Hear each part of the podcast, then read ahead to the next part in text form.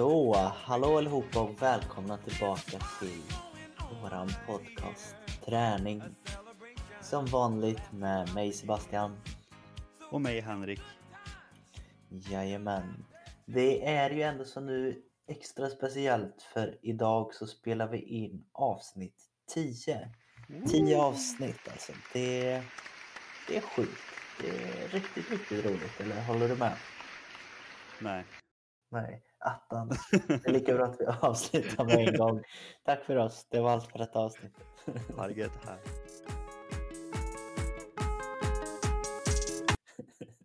Ja, men det är sjukt att det redan är jubileum, eller vad man ska kalla det. Ja men faktiskt, det är ändå ett litet jubileum skulle jag säga. Det är tio veckor. Ja, det är sjukt. Det är sjukt. Tiden går fort när man har kul. Det gör det verkligen och det är kul att ni också är aktiva, ni som lyssnar. Det tackar vi för. Eh, vi, vi hoppar väl in lite direkt tänker jag på vad det är som kommer ske idag. Eh, I och med att det är avsnitt 10 ville vi göra något speciellt och då valde vi att göra en Q&A. Alltså att vi ställer frågor till er eller ni ställer frågor till oss, ursäkta mig. Eh, och vi kommer med våra svar helt enkelt. Vi la ut där på alla våra sociala medier och vi har ändå så fått in en del frågor här som vi tänker att försöka svara under dagens avsnitt. Ja, och vi kommer att försöka få med så många som möjligt så att det kan gå undan.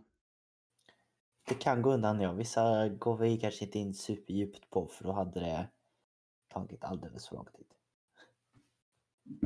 Men eh, kör vi igång direkt eller? Det tycker jag, för att få sitta och slösa tid tänker jag. Då går vi in. Fråga nummer ett. Tips på att träna hemma, framförallt nu under eh, coronasituationen. Ja, du som har skickat in det här antar jag har tagit beslutet av att vilja träna hemma. Men just med övningar där, har du något tänk eller tips till det? Alltså det första jag tänkte på när jag läste den var ju att det är ett ypperligt tillfälle att försöka hitta något, alltså något nytt intresse eller något nytt att göra. För att jag personligen så har jag ju verkligen fått upp ögonen för både, både promenader och framförallt cykling nu under coronan. Och det är verkligen något som är jäkligt härligt, framförallt när det är bra väder. Så ett tips kan ju vara liksom att försöka hitta något nytt som man kanske inte har gjort innan. Annars är det ju egentligen det klassiska just med alltså kroppsviktsträning. är ju väldigt simpelt att göra. Ja, men faktiskt, jag tyckte det lät väldigt bra det där med att komma på något nytt. Det är ju egentligen det jag också har gjort. Jag har ju lagt om hela min träningsgrej utan det, det är ju mer att man får ju fortfarande alla positiva effekter även om du lägger om det. Och det kan ju kanske nästan bli som en liten extra boost. Jag vet ju att det är många som har sagt att de har tränat nu mer än någonsin under eh, coronan för att de har fått det här nya. Så jag tror det faktiskt, jag ska inte säga så mycket mer än det. Nej, ja men det är så. Alltså mycket, egentligen, mycket med träning är bara att hitta någonting man tycker är kul att göra så att man gör det. Sen vad det är, är inte alltid jätteviktigt. Nej. Och skulle det vara så att du vill ha övningar så kan det sista vara att det finns mycket på nätet. Sök på Youtube, sök på Instagram. Det kommer ut massor med olika träningsupplägg hemma liksom. Och vissa övningar tog ju du upp i förra avsnittet som man kan ta ifrån. Mm. Och göra dem hemma faktiskt. Bra, fråga två. Tips på hur man ska tänka om man inte riktigt känner eh, att man vill träna. Jag tyckte att du sa en väldigt bra grej när vi pratade lite innan. Antingen så gör man det eller så gör man det inte. Det... Ja, det är ett väldigt tråkigt svar, men så, enkelt är det. Det beror på vad, vad du vill ha ut av träningen, tänker jag. Är det så att du vill träna för att allmänt må bra och du just den dagen känner att ja, jag vill inte träna. Ja, ibland kan det vara det du ska göra. Men ibland kan det också bara vara den här latmasken som kommer fram utan att man tänker på det. Och då får du liksom bara säga nej men nu får du skärpa dig, nu får du gå till gymmet. Om man är lite sur, men sen när man har kommit igång så är det ju för de allra flesta ganska skönt att man har gjort det. Och då är man nöjd att man tog sig till gymmet.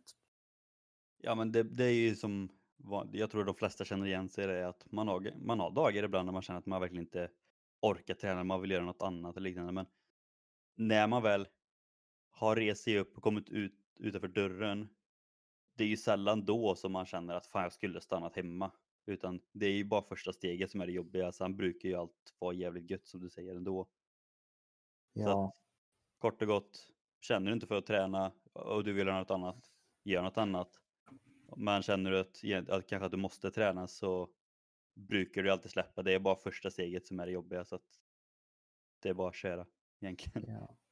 Det sista vi kan skicka med oss är något som Albin sa väldigt bra i avsnittet som han var med.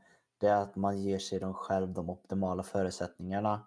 Ska du träna innan jobb, se till att ha lagt fram träningskläder, liksom, att det hänger på en stol. Så, att det liksom kliver ur sängen och så är träningskläderna direkt där. Är det så att du ska träna efter jobb, se till att ha träningskläder med dig liksom, till jobbet. Att du inte behöver åka hem, riskera att fastna i soffan utan plocka fram allting så allting är klart så att det blir så enkelt som möjligt i så fall att ta sig iväg. Måste man äta direkt efter träning? Om man säger måste, då skulle jag säga nej. Eh, det är inte så att alla dina muskler försvinner ifall du inte äter direkt efter. Men det beror ju också lite på vad man vill ha ut av träningen tänker jag. Ja, och sen är det ju liksom återigen hur, hur insatt man är. Om man säger. Så är man väldigt insatt att man ska bygga muskler och verkligen eh, ha så bra form som möjligt och allting, ja, men då kanske det är bättre att få i sig lite kolhydrater och protein direkt efter träningen för att påbörja återhämtningen och muskelpåbyggnad och allting. Men är man en helt vanlig person som tränar för hälsans skull så spelar det ingen, så, ingen stor roll om du äter 30 minuter efter eller 1.30 efter. Så att, Nej.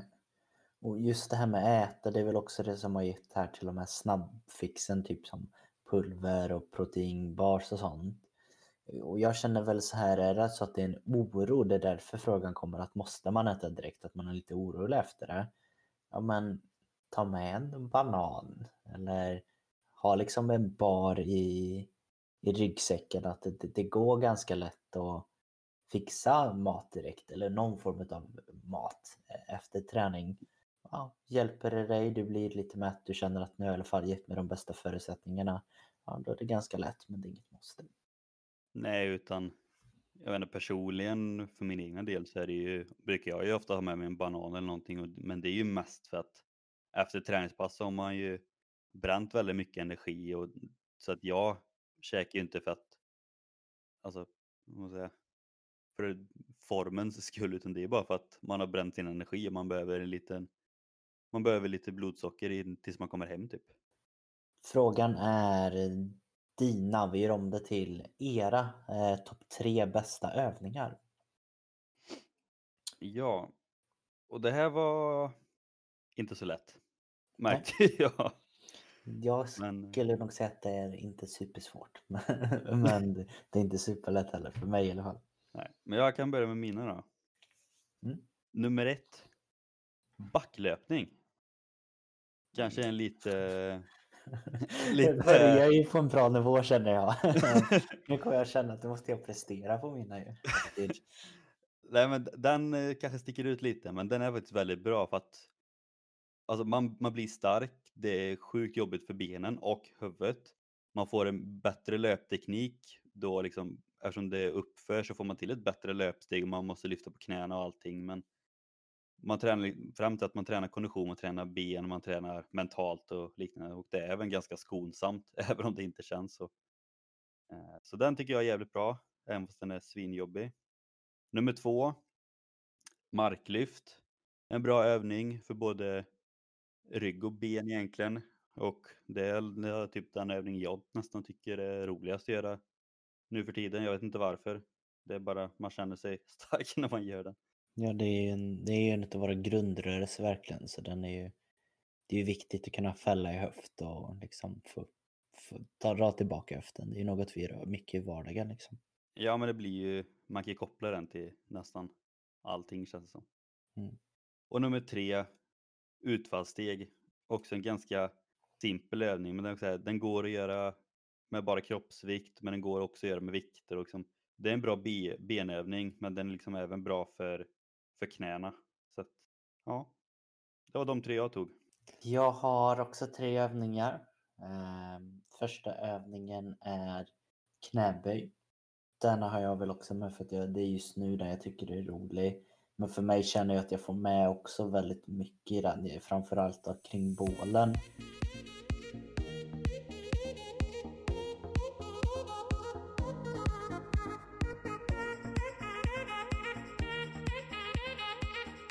Så, här kommer en liten avstickare ifrån dagens avsnitt och det är hur du som lyssnar ska ha chansen att vinna ett personligt träningsprogram med både styrka och löpning.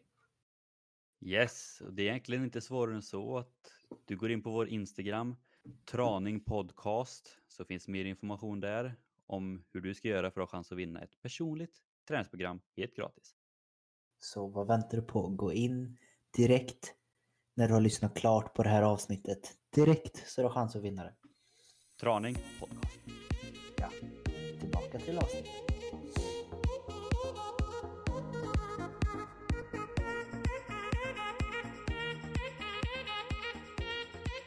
Jag skulle nog säga ryck eh, hamnar nog som nummer två.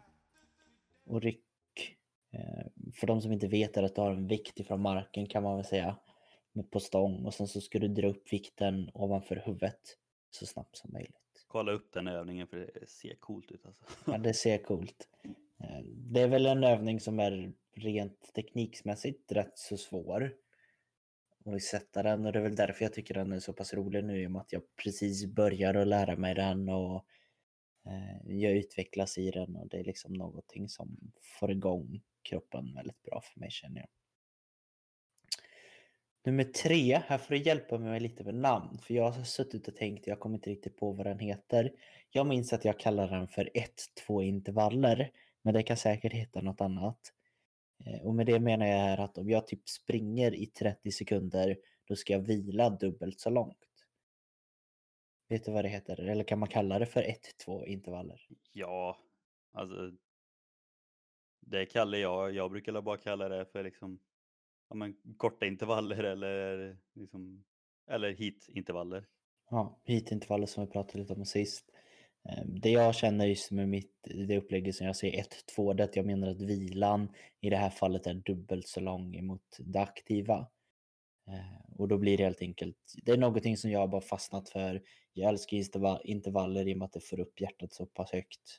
Och eh, generellt sett så brukar jag ju pressa det ner till kortare intervaller, hitintervaller. intervaller men det kan även vara så ibland att jag kör lite längre, att jag springer kanske i en minut lite snabbare och sen lite långsammare i två.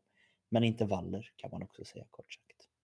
Alltid gött med träningspass som innehåller mer vila än träning. Alltid ja, det är det verkligen. Men det är väl de övningarna just nu som jag känner. Så slår ni ihop de sex så har ni ett jättebra träningspass. Ja, faktiskt. Det, blir, det är riktigt bra fast. Kör det, testa det. Vi kanske kör och lägger upp det på vår Instagram. Sjukt jobbigt bara med så intervaller, backträning, Börja, börja med backträning. Måste vi tänka. Först gör du backträning, sen marklyft. Och vad sa du den sista? Utfallsträning. Ja, ja. Benen kommer att vara förstörda. Mm. Det är egentligen du, men jag har ju påbörjat den så jag säger att bästa sättet att bygga muskler på har vi fått en fråga här om.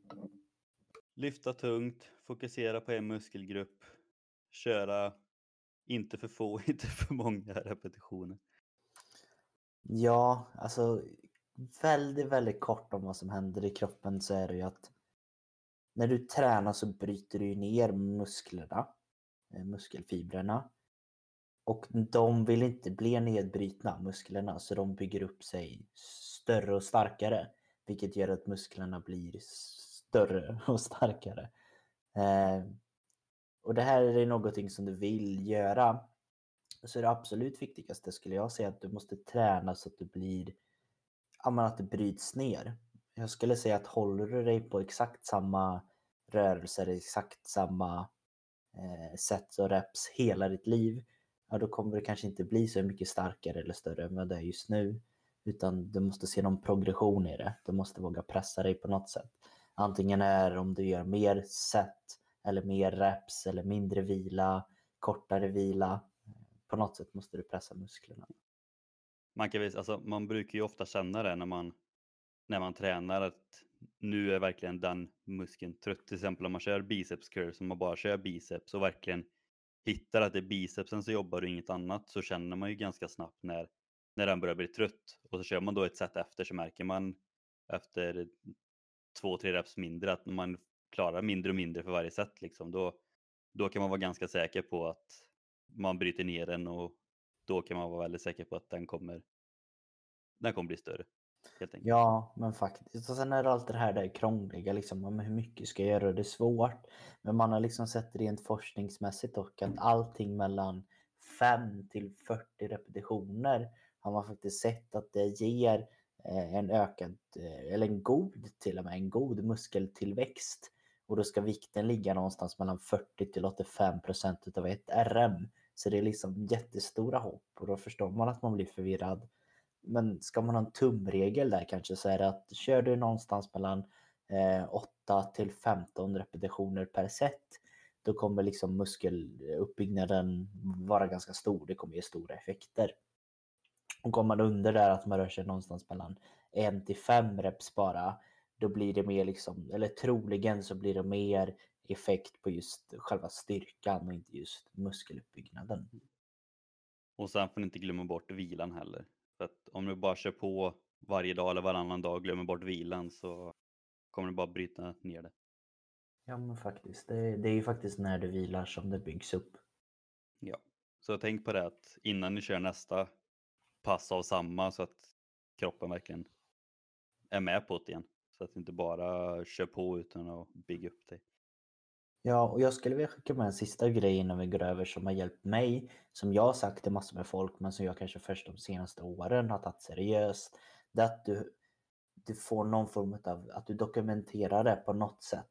Och med det menar jag att du kanske skriver upp din bok eller mobilen. För det är så lätt i stunden att säga att ja, men jag ska köra, hon sa bicepscurlen där igen, att ja, men sist körde jag tre gånger tio på 10 kilo ja men då eh, idag så ska jag köra 3 gånger 10 på 12 kilo.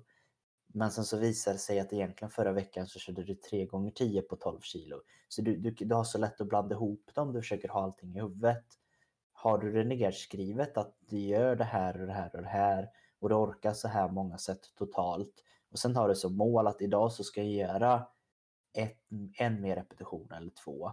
Då har du det nedskrivet, det blir mycket enklare att liksom se resultat då. Ja, det är ju nästan omöjligt att komma ihåg utan att skriva upp sånt. Framförallt om man kör liksom, alltså träning för hela kroppen. Ja. Men när du går in på det, kanske blir på en lite mer extrem nivå.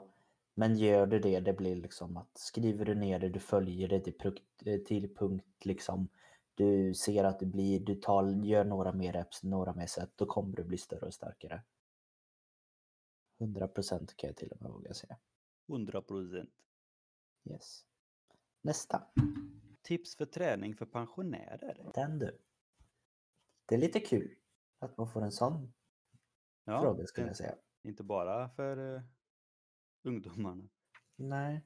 Jag kan väl säga min lite första tanke kring det. Det var en av mina följare på Instagram som skrev den. Jag skulle väl säga där och vi nämnde det kort med rekommendationer. Att även de faktiskt rekommenderas att köra styrketräning och eh, pulshöjande. Sen är det självklart vilken träningsbakgrund du har som är väldigt viktig och något som jag skulle säga en allmän rekommendation för äldre det är väl att kanske framförallt fortsätta gå och röra mycket på sig för hjärtat och allting så att det får de positiva hälsoeffekterna.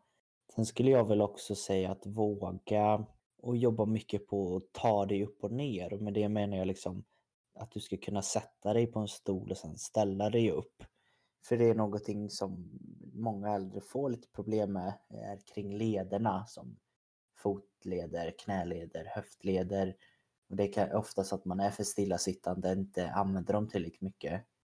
Så försök att klara att du kan liksom ta dig upp och ner. Ehm, Nästan till och med att kan du lägga dig ner på golvet och sen ställa dig upp, då är det väldigt bra. Du får med rätta mig om jag har fel här nu, för det är väl så också att i äldre åldrar så kan man inte direkt bygga muskler utan styrketräningen är ju snarare för att bevara de muskler man redan har. Generellt sett, ja. Sen så vet jag ju att det, det är många äldre som man ut och kollar på det som har liksom byggt upp sin kropp till den starkaste, bästa de någonsin har varit i hela sitt liv. Men man kan väl kanske ha det lite mer som en tumregel. Målet om du har hållit igång bra är att du ska försöka bibehålla skulle jag väl också säga. Mm. Nej men det är väl som du säger också, liksom, men lite funktionell träning att fokusera på sånt man gör i vardagen. Ehm, sen kan jag också tänka mig, för jag kommer ihåg när jag hade praktik på ditt gym där, då fick jag ju hålla ett easy line pass vilket var Mm. ett pass för pensionärer med, man kan väl säga att det var maskiner utan vikt. Eller man Ja, liksom, det är maskiner med luftmotstånd. Ja. Ja. Om det ska vara exakt. och sånt är ju liksom väldigt bra att man, ja, det, för sånt kan man ju få till hemma också. Det är egentligen, tänk, alltså tänker sådana maskinövningar som finns på gym fast ja, man, man gör samma rörelse fast utan en maskin nästan. Mm. Ja, men faktiskt. Det, det är svårt, men jag skulle säga att man, har man lite svårt så kan man alltid fråga folk. Eh, fråga någon nära och kära att hur ska jag träna eller om man förhoppningsvis att gymmen och allting kommer igång bättre då kan man ju väldigt gärna ta hjälp av dem där. Annars helt seriöst så skulle jag säga att se till att du kan göra det du vill i vardagen. Att vill du leka med barnbarnen och du inte kan komma ner och sittandes på huk, då får du träna komma ner och sitta på huk. Vill du kunna bära matkassarna hem utan att få ont i rygg eller axlar, då får du träna på att kanske ha någon, ett mjölkpaket liksom i händerna och sen lyfta dem upp och ner. Jag vet inte vad, men det, det, det är bara att våga röra på sig. Det är väl mest det. Ja men mycket är ju egentligen bara att hålla igång, att inte hamna där och sitta i en stol och bara kolla på TV hela dagen utan att hålla igång på ett eller annat sätt. Liksom bara vara kanske ute och ta en promenad ger ju så ofantligt mycket. Så Mm. bara fortsätta hålla igång. Ja men faktiskt. Hoppas det hjälpte. Har du, ni kan vi säga igen då, för de skriver mycket du, men har ni recept på någon nyttig mat? Det här var lite intressant för vi fastnade väldigt mycket. Vad är, vad är nyttig mat egentligen? Ja, liksom, vi anser ju att den maten vi äter är nyttig men det kanske inte alla anser som nyttig utan men liksom, man, jag käkar ju mest vanlig husmanskost och det anser jag är nyttigt med spagetti, köttfärssås, stroganoff och ris och liknande. Men, men du hittade ju ett eh, lite gott och roligt recept här som du kunde bjuda på. Ja, men faktiskt, jag, jag försökte kolla här bak i alla mina mappar och sånt, men jag hittade ett som är väldigt likt eh, ett recept som jag själv har ätit en del, men även gett ut till några kunder faktiskt som en liten, en liten, vad ska man säga, en liten lyxig grej som man kan unna till sig, men som ändå så är relativt nyttigt. Och det är väl ett eh, recept på en nyttig glass skulle jag vilja säga eh, en mango ananasglass för att vara ännu mer exakt. Så det man skulle kunna göra det är att man först tar man en banan, man fryser den helt enkelt. En stor banan kan man tänka. Eh, så man tar en stor banan, man tar en deciliter fryst ananas och en deciliter fryst mango. De här lägger man i en mixer och mixar runt tills man får en härlig glassliknande konsistens. Och sen efter det om man vill så kanske man kan toppa med lite blåbär och hallon, vad vet jag. Men det blir en god, nyttig glass helt enkelt. Det är ju perfekt nu in, när sommaren är runt hörnet. Ja, men faktiskt, den tror jag faktiskt. Testar ni den, då lovar jag att ni kommer tycka den är god i alla fall. Vi kanske kan lägga ut recept på våran Instagram, träning podcast. Ja, varför inte? Det var inte så långt recept så att Nej, det borde kunna gå att fixa. Nästa dag, då kommer vi över till en, den var lite längre men vi kortar ner frågan lite för att det var det här de inte i slutändan ville få svar på. Och frågan är då, är stevia verkligen bra? Och för de som inte vet så är stevia form av sötningsmedel som används i lite olika grejer som kanske choklad och ja, sånt som man vill ha sött men inte ha socker i. Mm. Och om vi då ska ta vad Livsmedelsverket säger så är det ju för att för att stevia ska få användas i andra livsmedel än vissa typer av teer inom EU räcker det inte med att det är undersökt och testat av företaget. Livsmedlet måste säkerhetsprövas av Europeiska myndigheten för livsmedelssäkerhet, EFSA. Stevia räknas som ett nytt livsmedel inom EU och säkerhetsprövningen ska visa att stevia inte innebär någon hälsorisk för konsument. Och förkortar man det så säger de just nu i alla fall att stevia ska vara okej. Ja. Om det, är, om det är bra, det är en annan femma, men det ska inte vara farligt i alla fall. Nej, och då får man väl ta en egen bedömning om man vill lita på dem och Ja. jag känner väl att jag litar nog på dem. Sen är det väl som vanligt, vi pratar om egentligen allt med kost egentligen, att liksom, i en för mycket mängd så är det inte så mycket som är bra. Men i Mm. en rimlig mängd så ska det inte vara farligt i alla fall. Bra. Nästa. Hur bygger man en bra rumpa? En lite återkommande fråga kanske. Återkommande. Förståeligt. Det är mycket kroppsfokus eh, eh, för många av oss och det kan ju hjälpa en eh, att må bra faktiskt mentalt så att man är nöjd med sin kropp. Jag ska säga det här kort vad jag säger till de flesta när jag började på gymmet jag fick den här frågan. Och det är väl så här att våga och lyfta tungt. Och med det menar jag Instagram-modellerna ligger på sin yogamatta och kör med sitt gummiband och ligger och pumpar i massor med fina övningar. Självklart kan det gå, men oftast är det att du blir ganska van vid det efter ett tag. Det blir liksom så här, "Ha, ja, jo, jo, det går. Men jag skulle säga våga och gör riktiga övningar. Och det, nu kanske jag skjuter med foten, men alla övningar är riktiga. Men våga göra marklyft, våga göra höftlyft med stång. Våga göra knäböj, våga göra utfallssteg. Eh, Är det just Våga springa i back. Ja men faktiskt, är, är du ute efter just att få vad media kallar en bra rumpa i dagens samhälle och man kollar kanske på de som tävlar inom detta, typ som bikini fitness och sånt. Kollar du på dem, de är extremt starka och de är inte rädda för att lyfta tunga vikter i tunga maskiner eller tunga friövningar. Så det skulle väl jag säga, våga lyfta tungt. Ja, och sen är det väl egentligen som med alla muskelgrupper man vill bygga upp att liksom fokusera på den muskelgruppen och sen när du gör övningarna så känn verkligen efter att du hittar just rumpan så att rumpan får jobba. För att när man gör många övningar så är det ju många andra muskelgrupper som hjälper till också. Så att man verkligen fokuserar och hittar rätt teknik så att det är liksom rumpan som får jobba. Nästa då.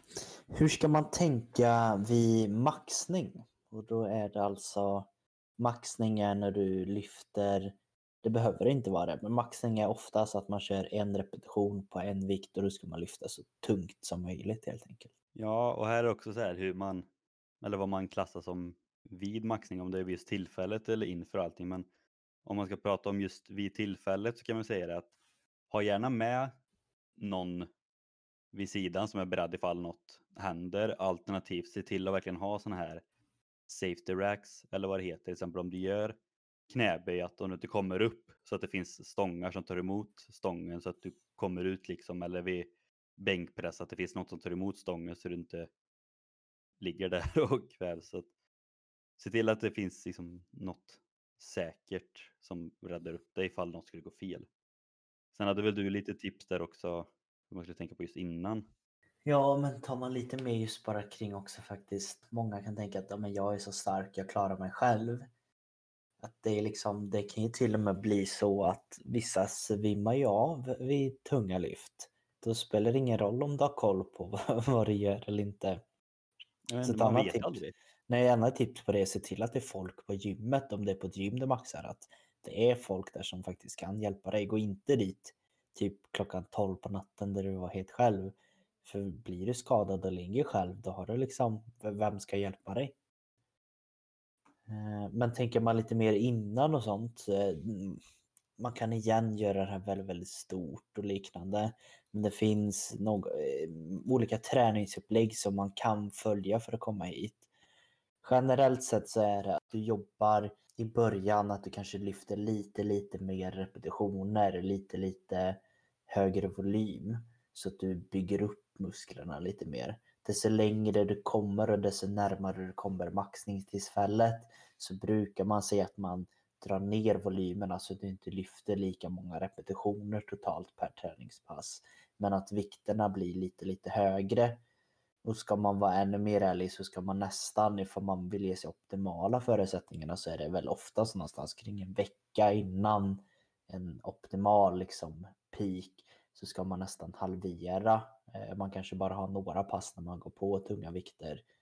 Men även innan det, liksom, det är inte optimalt att du liksom har kanske sprungit för första gången dagen innan för att du ville spara musklerna eller du går ut och spelar paddel i tre timmar utan ta det lite lugnare innan, se till att få i dig bra med mat, se till att du har bra energi och framförallt slarva inte med uppvärmningar liksom. Utan du är där för att göra ett tungt lyft.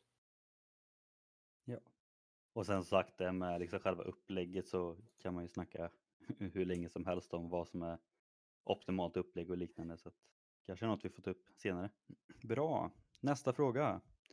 Vad är ditt eller ert bästa cheat meal? Och det här är väl någonting som många, nu det sista tycker jag, jag vet inte om du hört det så mycket, men det är så många som har dissat ner på ordet cheat meal. De tycker att ah, det ska väl inte behöva vara cheat meal om du håller en, en bra kost, utan då skulle det bara kunna vara att du har lite godare i vardagen eller sånt. Kan du förklara vad cheat meal är? Ja, begreppet cheat meal är om du går på en diet, alltså att du äter efter en speciell plan och du ska få i dig speciellt kalorier så kan det vara så att du lägger in i din planering att kanske under måndag, tisdag, onsdag, torsdag så äter du lite mindre kalorier än du har gjort de andra veckorna. För just den fredagen som kommer så vill du unna dig och äta kanske något extra onyttigt inom parentes. Eh, eller extra mycket av något. Och oftast så säger man att en cheat meal läggs in som en motivation. Och det är väl därför jag också, om man tar mig själv, jag kan ha lagt in en cheat meal för då, typ, det blir som ett delmål nästan. Att du liksom så här, om du äter nyttigt i tre veckor så blir fjärde veckan så får du äta det här. Eh, så det är som ett litet mål som du ser extra mycket fram emot när du äter, inom parentes, väldigt nyttigt. Eh, har du någon cheat meal som du hade tyckt att det här är nog det bästa som finns? Ja, jag har ju aldrig som sagt haft just en sån diet och liknande med cheat meal, men hade jag haft det så tror jag nog att mitt cheat meal hade varit en, så här, en riktigt flötig typ dubbelburgare eller någonting med så här, extra cheddar och bacon och sån här. Ja, men en riktigt god burgare tror jag. Det, det hade varit ja. fantastiskt. jag ska vara så tråkig och säga att jag håller med. Jag hade tagit exakt likadan. Jag tror till och med jag har lagt ut det här någon gång på min Instagram. Att för typ något sånt där att ni som inte har eh, en flöte hamburgare som bästa cheapbilet, det är något fel på er eller något sånt skrev jag. det är liksom så här, det för det är ändå så inom parentes rätt bra mat ändå. Det är liksom bröd, det är kött, man behöver kanske inte vräka på med mm, ost liksom och man behöver kanske inte ta extremt mycket pommes frites med massor med dipp utan en hamburgare ändå så det är ändå så helt okej okay, skulle jag säga. Ja, jag tycker bara liksom, i vanliga fall så är en burgare ruggigt gott att käka. Liksom, och jag kan bara tänka mig då att om man har haft kaloriunderskott och käkat nyttigt ett par veckor och efter det får käka en sån burgare, alltså det måste ju vara helt magiskt. Ja, jag tror det. det. Eller jag kan säga att det är det. Efter de gånger som jag har gått på en riktigt långa, liksom, då det är gott. Då tar vi nästa fråga då. Och frågan lyder så här, vilka utbildning eller utbildningar har ni? Jo, man kan väl säga så här, i grund och botten så har vi ju samma gymnasieutbildning, barn och fritid, fritid och hälsa. Där det fortfarande är lite oklart vad vi blev egentligen, det ändrades ju 70 gånger. Men... Vi har som ett diplom på att det står att vi är utbildade personliga tränare. Ja. Och då står det utbildade. Det står inte att man har en licens, men det står att man är utbildad personlig tränare via den. Så att, ja, men det är väl grunden. Och sen personligen så nu för tiden, jag är inne på min sista termin på universitetet, idrottsvetenskap med inriktning mot idrottscoach. Håller på med sista examensuppgiften nu. Och sen till hösten så blir det troligtvis magister i idrottsvetenskap. Utöver det så är jag även utbildad eh, friskvårdsmassör. Så att eh, ja, det är väl de utbildningarna jag har. Har någon mm. fotbollstränarutbildning också men det kanske inte är så, inte så mycket här. Men, Nej, men den Nej. finns i alla fall. Den finns det. Ja. Mm. Du då? Ja, jag har ju i grunden samma där, gymnasieutbildningen. Sen vill jag ju få mer inom personlig träning. Så jag, gick en utbildning via att jag fick en licens som personlig tränare och den gick jag via Eleiko. Även på den här utbildningen så blev jag licensierad eh, styrketränare nivå 1. Det betyder att jag är utbildad i och nivå 1 inom de här olympiska lyften som ryck och stöt egentligen. Efter det så har jag en grund vidareutbildningar skulle man kunna säga. De som kanske är mest värda att nämna är att jag är vidareutbildad inom skadeförebyggande eller rehab och pri-rehab. Och jag är vidareutbildare inom träning för graviditet. Efter det så skulle jag säga att jag har en mängd vidareutbildningar inom gruppträning. Så tänker du på en gruppträningspass så har jag hållit det. Skulle jag vilja säga. ja, men jag försöker tänka, jag tror jag kunde nog hålla alla pass som vi hade på vårt gym och jag var utbildad i det. Herregud. Som exempel så är det yoga, pilates, eh, ja, allt egentligen. Jag kan väl säga det också att eh, när man har gått två år på den utbildningen som jag läser så kan man också tillgodoräkna sig utbildad PT. Så jag har fått en riktig PT-utbildning nu även efter gymnasiet. Men kort och gott känns det ju som att jävlar vad vi har ganska bred utbildning, utbildning i den här podcasten. Ja, men på olika planer, vilket är väl det som jag skulle säga är så roligt, att det är från den här akademiska mot eh, den här mer praktiska. Yr, yrkes, yrkesverksamma. Ja, om man ska vara ännu mer ja. fin i orden. Men det, det är en kul blandning helt enkelt. Ja, men faktiskt. Känns som vi får med det mesta. Best of both worlds, så att säga. Men det var egentligen de här frågorna som vi har fått in nu då i det här jubileumsavsnittet eller vad vi kallar det, avsnitt 10. Ja. Vill ni ha fler sådana här avsnitt så skriv det till oss. Vi tycker att de här avsnitten nästan är bland de roligaste att göra. Ja, och faktiskt att få en direkt koppling mellan er som lyssnar och vi, oss som pratar. Det tycker vi är väldigt roligt att få göra.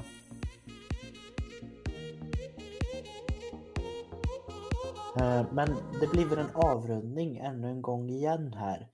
Eh, som vanligt så vill vi att ni ska prenumerera faktiskt på den här tjänsten som ni lyssnar på vår podcast på. Med det menar jag följa.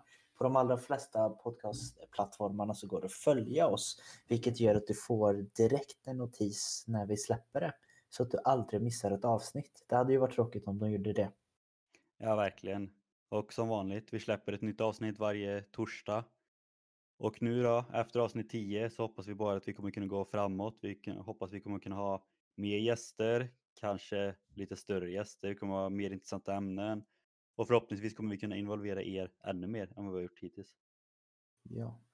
Och är det så att du har önskemål på gäster, du har kanske ställt en fråga om och sagt att när får jag vara med i podden? Eh, hint hint. Ställ frågorna, se till att ta kontakt med oss för vi vill få in andra eh, personligheter och tankar kring just träning i och med att det är så himla stort. Liksom. Och även har ni någon kompis, något syskon, någon förälder, morförälder, barnbarn, vem som helst som inte har hört podden hittills så får ni jättegärna sprida podden vidare. Om ni känner att det är någon som behöver få lite mer kunskap eller ja, allmänna tips om träning. Och med de orden helt enkelt så tackar vi för oss och vi önskar er en fortsatt trevlig dag. Det gör vi. Ha det gött. Hej då.